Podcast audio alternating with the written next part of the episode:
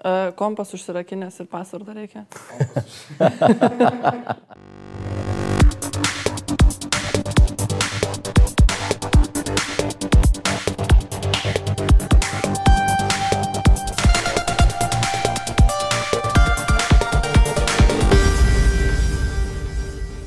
Sveikas atvykęs. A, tavo kompiuteryje yra penki video, mes kviesim tave juos pasižiūrėti ir tiesiog įdomu bus išgirsti tavo reakcijas į kiekvieną video. Tai galim pradėti nuo pačio pirmo folderio. scontri si fanno sanguinosi. I morti sono già una trentina. Il peggio arriva la mattina del 20 febbraio. Un gruppo di misteriosi cecchini apre il fuoco su dimostranti e poliziotti. Aš taip galvoju, ar tikrai čia aš suprantu, apie ką eina kalba. Ar teko domėtis arba girdėti apie Ukrainos įvykius vykusius Maidanas ir, ir visus kitus? A, ne, vat. Nes, Supratau, viskas yra tvarkoje. Bet, pavyzdžiui, jeigu jūs pamatytumėte tokį video žiniasklaidoje arba socialiniai medijoje, Taip. ne, ir jūs jį visą peržiūrėtumėte, tai yra ilgas kažkoks reportažas, mhm. ar jūs tikėtumėte tuo, kas yra ten sakoma? A, priklauso, kur aš jį pamatyčiau ir kas būtų. Tarkim, jūs jį pamatote Delfyje. Tada yra, yra didelė tikimybė, kad patikėčiau. O jeigu Facebook'e? E, Facebook'e. Facebook'e galbūt, galbūt jau labiau kritiškai vertini. Nu, nelabai malonu rytui. Labai daug skirtingų ir tam tikrą prasme nesusijusių personų yra pasirenkamos kaip kažkokie tai liudininkai ar tyrimam. Estijos atstovas čia pasakė, kad kažkas įvyko ir panašiai. Nu, nežinau, man tokia labai neaišku šaltiniai, iš kur atėjus informacija, kodėl jie iš vis turėjo gilintis. Nu, nežinau, man kažkaip labai suktai ir netiesiogiai viskas atrodo. Tai keltų daug klausimų ir paskatintų dar daugiau pasidomėti apie viską, nu, apie visus tos šaltinius, iš kur realiai informacija atėjus. Mažame Junktinių valstijų miestelėje, Centervilyje, Luizianos valstijoje buvo ankstyvas rytas, kai gelbėtojų tarnyba pasiekė sunerimusios gyventojų skambutis. Moteris teigė sulaukusi pranešimo, kad sprogo netoliese esanti chemijos gamykla ir gyventojų.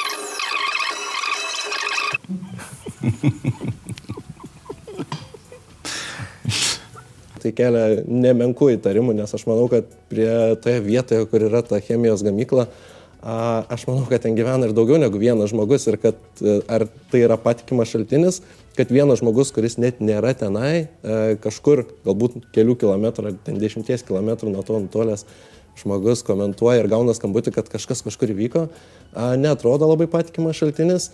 Jokinga, nes primena trailerį, kai rodo forum cinemas kokiam prieš kokį Filmą tai primena, taip, Jo. truputį. Bet jeigu tokį pamatytumėt socialiniai medijoje Tikrai arba medijoje, nepatikėtumėt, kad tai yra... Legitimus šaltinis. Nu, nes vien iš to tokio tono, kad sprogo gamykla ir dabar čia, pažiūrėkit, šimtai tūkstančių žmonių per Bet ar tai Twitterį. panašėja į kažkokį žiniasklaidos pranešimą, ar labiau į... Jūs sakėt, kad labiau jums į filmo kažkokį trailerį, ne? Jo, nes, nu, paprastai yra faktai, nu, nežinau, man bent jau legitimus žinių šaltinis faktus išdėsto be jokių ten super emocijų dar kažko. Tai yra faktai, kurie yra tiesiog faktai. O čia toks, kur tipo, ir čia dabar susprogo kažkas ir įvyko, nu, intriga kažkokia kelia bereikalinga, kur, nu, turbūt, nu, nežinau, ta intriga, man atrodo, jau iškart parodo, kad šitas šaltinis yra nelegitimus.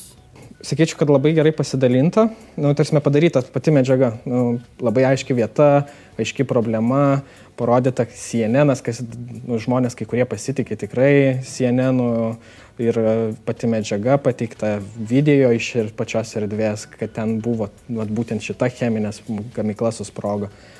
Tai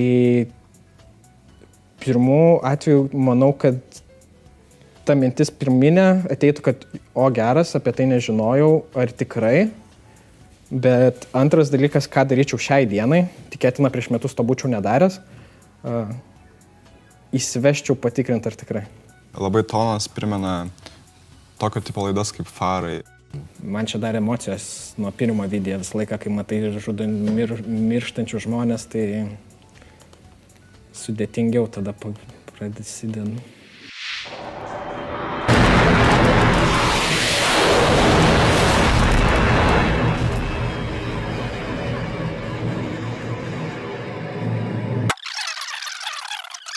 Šiai dienai, nu, vat, tikėtina, kad iš pat pradžių gal net nepatikėčiau tuo, kad taip gali vykti. Bet tada antra mintis būtų pasižiūrėti, o gal iš tikrųjų.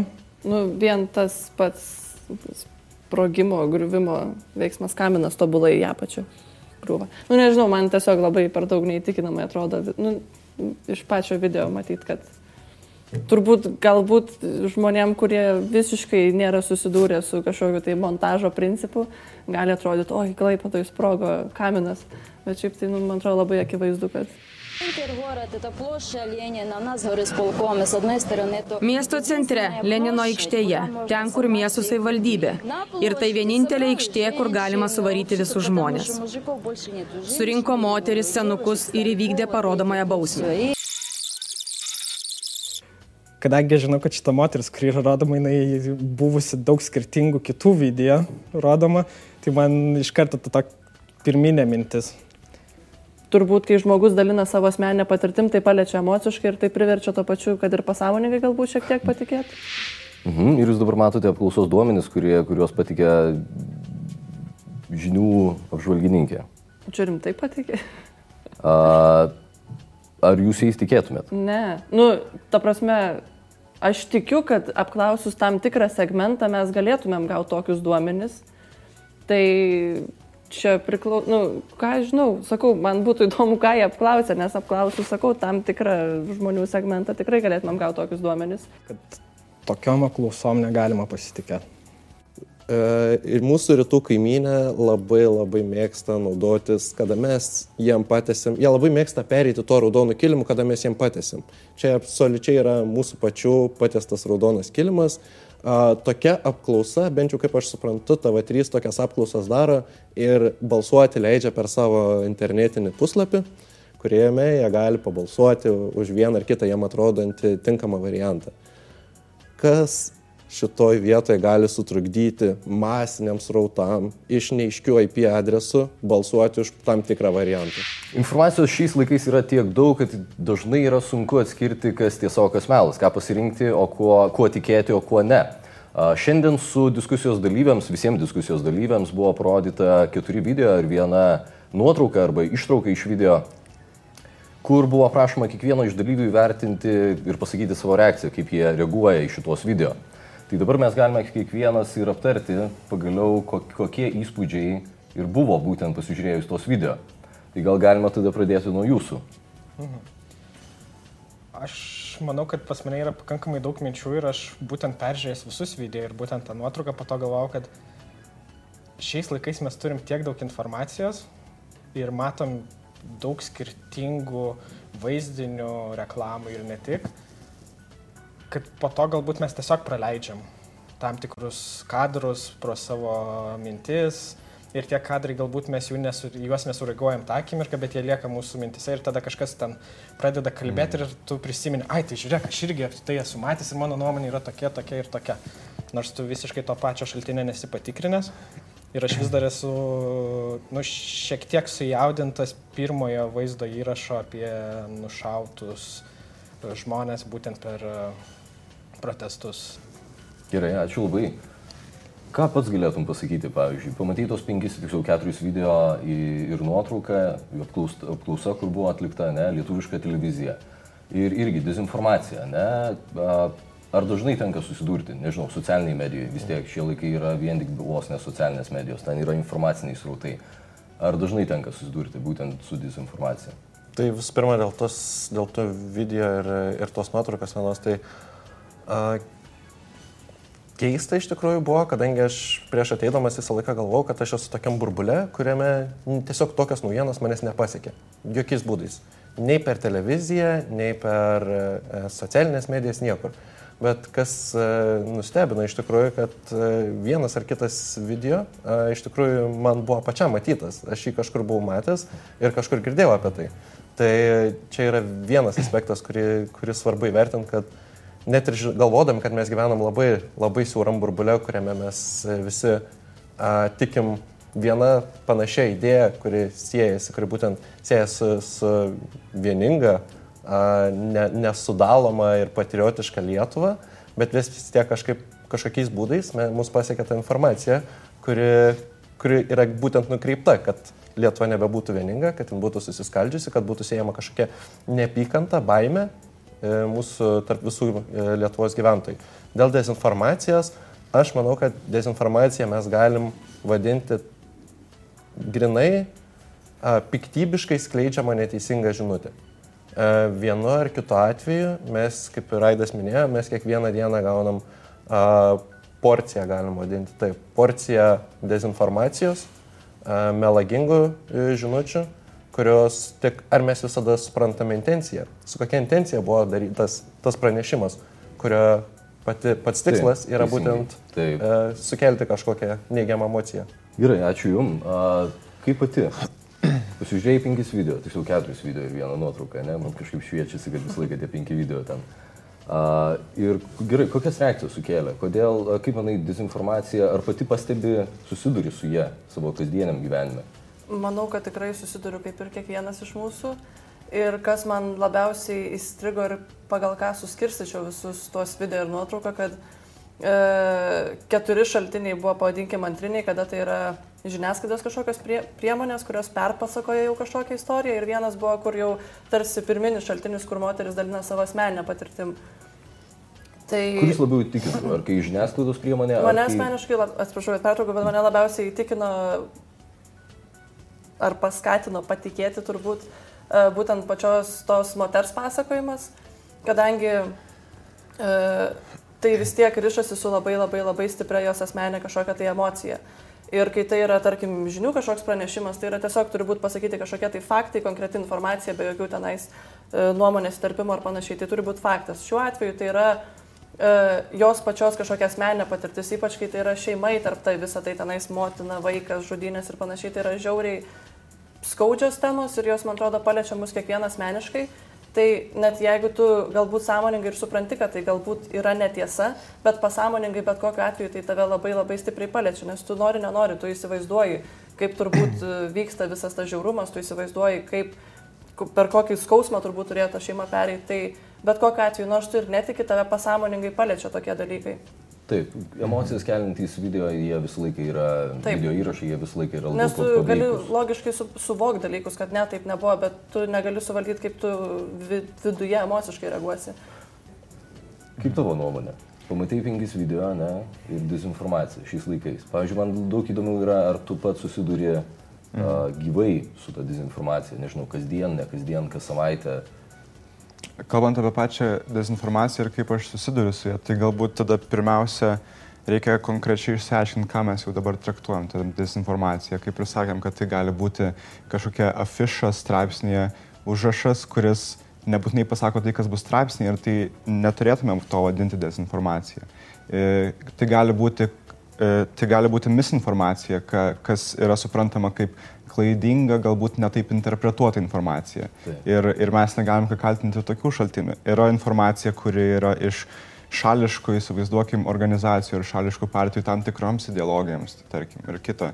Ir jie patikė savo šališką požiūrį. Ir tai irgi nėra dezinformacija, nes tai yra tiesiog jų požiūris, nes mes visgi turim, turim tą e, išsireiškimo laisvę, o kai jau prieinam prie dezinformacijos, mano suvokimu tai yra informacija, kuri yra patvirtintai e, klaidinga, turinti kažkokių siekių e, tiek ekonominių, tiek politinių siekių savo asmeninių geroviai ir taip pat patikiant per tuos klaidingus faktus. Bet kalbant apie tai, kiek aš va, tokiu atveju susiduriu su tokiais, su tokiais jau būt dezinformacijos būdais, labai sunku identifikuoti. Ypač e, įsivaizduokim, aš vad skrolinu savo socialinėse medijose tai, ką, ką aš matau, kaip aš įvertinsiu, ar tai yra dezinformacija ar ne dezinformacija. Aš galiu ieškoti kitų straipsnių, kaip, e, kitų šaltinių, kaip sako kolegos, bet kaip yra sunku, kai tiek yra daug skirtingos informacijos, viską patikrinti kiekvieną kartą, paskaityti skirtingos, skirtingus šaltinius. Kol, kol tu perskaitai tą skirtingą šaltinį, jau yra dešimt naujų straipsnių, kurio, kurie tau yra įdomus perskaityti ir tada tu net nebegali, tau yra labai sunku identifikuoti. Ačiū, ačiū tau. Šiandien mes turime specialistą informacinių karų ir, ir propagandos ir paprašytume tada gal Tomai pakomentuoti būtent, nežinau, mes galime netgi gal pasišnekėti apie tos video, buvo, kurie buvo parodyti diskusijos dalyviams prieš tai ir gal apie kiekvieną iš jų ir gal iš tikrųjų buvo geras klausimas iškeltas, Tai kas vis dėlto šiais laikais yra dezinformacija? Gal net nuo to ir pradėkime. Kas yra dezinformacija ir kaip gal nuo jos galima geriausiai netikėt apsiginti, bet kaip ją atpažinti ir ką reikėtų daryti. Taip, tai ko gero turėtume pradėti nuo to, kad gyvenam labai specifiniais laikais, kad e, tradicinė medija nebėra vienintelis įrankis, iš kur mes galime gauti informaciją. Aplamai informacinis laukas yra labai pakitęs, yra begalė skirtingų priemonių iš kur mm, informacija gali pasiekti vartotoją, kuriuo metu jinai gali pasiekti vartotoją, mes suprantame ir esam žinome daug kalbų, taigi galima gauti tą informaciją taip pat ir skirtingomis kalbomis. Tai yra iš tikrųjų labai dideli pokyčiai informacinėje erdvėje. Ir valstybei suprasti, kaip jos piliečiai vartoja ir iš kur uh, paimtą informaciją vartoja yra labai svarbus dalykas, todėl kad e, informacinė erdvė yra ir viena iš keturių sudėdamųjų valstybės galių ir jeigu mes nesuprantam, kas čia vyksta, tai yra iš tikrųjų didelis iššūkis valstybė. Na, taip pat esame labai specifiniam regione, žinome, kas yra mūsų kaimynai ir e, žinome, kad visai netoli yra siena ir ten gyvena kitokie žmonės su kitokiu požiūriu, yra Kremliaus režimas, kuris atitinkamai valdo valstybę ir aišku, žiniasklaidas tiesiog išnaudoja kaip įtakos įrankį ir dėja tos priemonės taip pat veikia pas mus, bet aišku, 2019 metais jos galima sakyti, kad veikia globaliai, kažkokių tai apribojimų nėra. Taigi, ko gero, mes privalome išmokti gyventi tokiamis sąlygomis ir turime taikyti visą eilę priemonių, kad e, apsaugoti savo visuomenę nuo dezinformacijos, propagandos ir panašių e, dalykų. Tai yra iš tikrųjų kompleksinė problema ir tik tai kompleksiniam problemom e, priemonė mes tą problemą gebėsime įspręsti. Taigi, kokią informaciją mes vadiname žalinga. Tai be abejo yra netikros naujienos ir kartais yra tai tiesiog pakštavimas ir tai gali būti tiesiog žmogaus asmeninė iniciatyva. Tai mes to nelaikom tikrai grėsme. Um, Tai nėra gerai, bet tai nėra labai didelė grėsmė. Taip pat buvo kalbama apie politinės partijas, taip pat galima kalbėti apie finansinės organizacijas ir kitas, bet ir tai, tai yra tam tikros grėsmės, bet ne pačios didžiausios. Pačią didžiausią grėsmę mes laikome, kada tai yra valstybės ligmens kontroliuojamas procesas, kada tokios valstybės kaip Rusijos federacija skiria finansavimą įvairiom poveikio informaciniam priemonėm, yra nusamdama daugybė žmonių, kurie yra tos ir tie specialistai, jie sukuria daugybę produktų ir per tuos įrankius transliuoja skirtingas valstybės ir mes pagal vadovėlius galim spręsti, kad jeigu yra tokia kompanija organizuojama, anksčiau ar vėliau jinai savo poveikį duos. Tik tai mūsų užduotis, aišku, sumažinti maksimaliai tą poveikį ir supras, koks jau pažeidimas visuomenėje yra padarytas. Taip pat, jeigu grįžtant prie tų video, visi jie buvo parinkti su vienokiu arba kitokiu tikslu, aišku, pagrindė, kad galėtumėmės išprovokuoti diskusiją ir visi jie yra kažkuo tai panašus, bet ir taip pat ir skirtingi. Tai jeigu pradėtume nuo gamyklos bombardavimo, tai aišku, socialiniam tinklam specialiai sukurtas produktas, kuris yra trumpas, ganėtinai efektyvus, yra tam tikras wow efektas, kad žmonės norėtų jį dalintis. Koks būtų tikslas? Iš tikrųjų, vienas iš tikslų tiesiog e, mokytis daryti tokius dalykus. Tai jie gali sauliaisti taikos, menamos taikos, nes mes galvojame ir vertiname, kad Lietuva šiuo metu gyvena tokiomis informacinio karo sąlygomis, e, ko gero negalėtume apsiriboti tik Lietuvą. Manau, kad ES ir NATO lygmenėje yra lygiai tas pats. E, ir tiesiog darydami tikras tokio pobūdžio takas, jie kaupia labai svarbų dalyką, jie kaupia patirtį, kaip tai galima daryti. Taip pat puikiai žinoma komunikacijos taisyklė, kad mes negalim jums pasakyti apie kaip jūs turit galvoti, bet mes jums galim pasakyti apie ką jūs turėtumėt galvoti. Taigi Rusijos naikintuvas, Klaipėda kažką sunaikina, tiesiog nejučia žmonės priverčia galvoti apie tai, kad mes va gyvenam visai šalia Rusijos, o jinai kaip ir ginkluojasi, turi daug ginklų ir mes ne, ko, turėtume jaustis nesaugiai pasižiūrėję a, tokio video. Aišku, galima tiesiog ištyrinėti, o kaipgi žmonės e, bus paveikimi, kaip jie elgsis ir kaip plačiai pasklis tas video. Tai Bet būtų... Klaipėda turbūt irgi ne veltui yra pasirinktas kaip miestas. Tai yra turbūt artimiausia, artimiausias miestas, kuris ant link kurio ar gali skristi, kai mes žinome, kad yra iš žemynės dalies skrendama į Kaliningradą visą laiką, ne? Kodėl ne Vilnius tarp? Taip, tai tiesiog e, turėtų žmonė, žmogui pasąmonį netgi suveikti, kad tai teoriškai įmanoma ir aš galėčiau mm. bent jau teoriškai tuo patikėti. Aišku, yra prisid- prisidengiama a, kita žiniasklaidos priemonė, yra nurodoma, ne, ne va tai BBC tai sukonstravo, taip vadinamas a, portretavimas, kuris vėlgi turėtų užtikrinti, kad žmonės a, lengviau patikėtų tą informaciją. Tada jeigu pereitume prie kito video, tikriausiai prisiminsite, Ukraina, Maidano įvykiai, dangiška šimtinė ir manau puikiai suprantate, kad tarp Lietuvos, Sakartvelo, Ukrainos yra nuostabus santykiai tiek politiniam, tiek bendražmoniškam a, lygmenyje ir aišku, tokius santykius reikia naikinti. Ir, a, tą dangišką šimtinę ir tai yra tikrai toks kaip simbolis, kaip Lietuvoje, ko gero, sausio 13 įvykiai, tai vėlgi tokius simbolius taip pat reikia naikinti. Na, va, tiesiog a, ganėtinai sudėtingai, nes mes čia periname į tokią tarptautinę informacinę erdvę, kiti pavyzdžiai galbūt yra skirti mūsų regionui, čia yra kaip tik labai globaliai paplitusi ir pasklidusi informacija, nes viskas prasidėjo nuo Italijos. Manau, puikiai suprantate, kad nei mes, nei ukrainiečiai, nei Sakartvelas tikriausiai kiekvieną dieną Italijos informacinės erdvės nestebime dėl tiesiog tai yra mūsų partneris, tai yra vakarų pasaulio valstybė, mes jais kaip ir pasitikime. Taigi taip pat ko gero neturime labai daug italų kalbos specialistų, kurie stebėtų tas naujienas kiekvieną dieną. Taigi tu buvo daug laiko, kad ta informacija pasklistų. Jis buvo patalpinta į tinklapį, vėliau buvo a, straipsnis padarytas, vėliau tai labai masiškai paplito Rusijos televizijos kanaluose, įskaitant e, vedančius. Ir tai atrodo netgi vėlgi daug patikimiau, nes jie sako, tai žiūrėkit, net ne mes sukūrėm šitą tyrimą. A, Ta informacija padarė nepriklausoma Italijos žiniasklaida, tai vėlgi patikimumas tos informacijos e, labai išauga.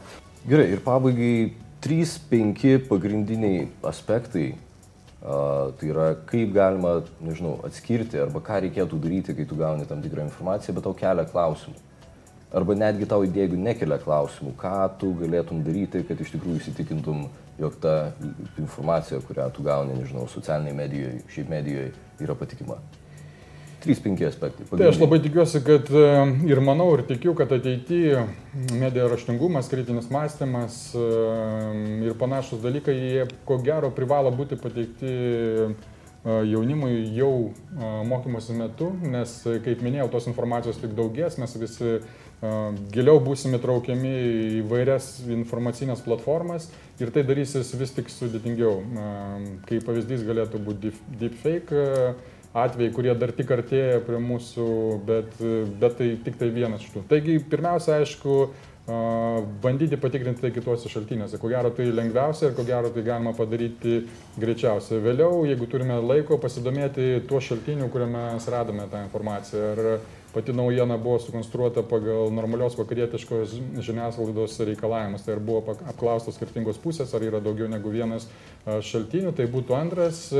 Ir trečias, ko gero, kurį dažnai pamirštame, bet manau jis yra labai svarbus, tiesiog orientuotis informacinė erdvė ir žinoti savo valstybės pasakojimą, savo valstybės naratyvą, žinoti kertinės duomenis apie save ir apie savo valstybę, kur mes einam, ką mes darom, kas mes esam, kokie mūsų pagrindiniai e, istorijos e, momentai, e, kodėl mes esame ES, kodėl mes esame NATO, kokia yra mūsų vizija ateitį. Jeigu mes šitą informaciją žinosim ir žinosim ją iš patikimų šaltinių, e, tada paveikti mus kažkokia kita informacija iš kitų šaltinių bus daug sudėtingiau. Ačiū Jums labai visiems dalyvavusiam. Ir reikia, kaip ir pradžioje minėjau, atsiminti, kad šiais laikais informacijos yra labai daug. Ir jinai naudojama ne vien tik tuo, kad norima žmonės informuoti arba ugdyti. Ne? Informacija yra šiais laikais jau naudojama tam, kad norint suskaldyti ir kiršinti žmonės arba paveikti jūsų protus ir širdis. Dėl to būtina atsirinkti, ką mes skaitome ir kaip ir šį čia kolegos visi minėjo ir tikrai plačiai išnekėjo apie tai, įvertinti, ką skaitom, rinktis kanalus ir tiesiog atsijoti visą informaciją. Ačiū.